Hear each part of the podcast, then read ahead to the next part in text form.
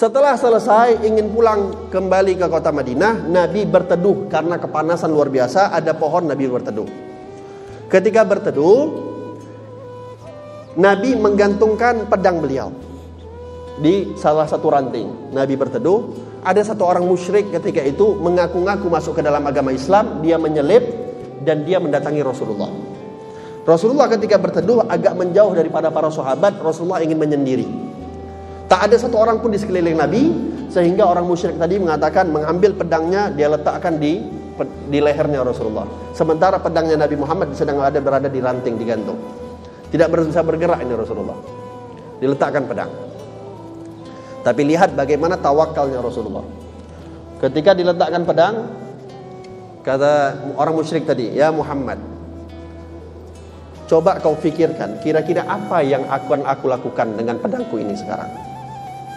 Kalau aku tebas engkau, aku gesek saja pedang aku sekarang ini, kira-kira siapa yang dapat menolongmu?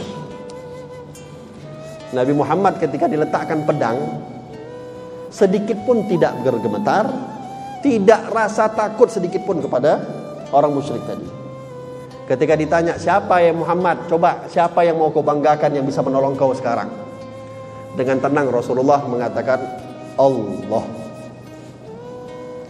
Ketika mengucapkan kalimat Allah keluar daripada mulut Rasulullah kalimat Allah terjatuh saking haibahnya kalimat Allah terlalu berwibawanya kalimat Allah yang disebut oleh Nabi Muhammad ketika itu terjatuh secara tidak sengaja pedang daripada orang musyrik tadi. Ketika terjatuh Rasulullah mengambil pedang, ini orang ditarik dibalikkan oleh Nabi Muhammad diletakkan pedangnya di lehernya orang musyrik tadi. Ditanya dengan pertanyaan yang sama oleh Nabi Muhammad. Sekarang giliranmu, siapa yang kira-kira akan menolongmu daripada tebasan pedangku kata Rasulullah. Akhirnya orang musyrik tadi mengatakan, "Eh Muhammad, jadilah saudara kami yang baik."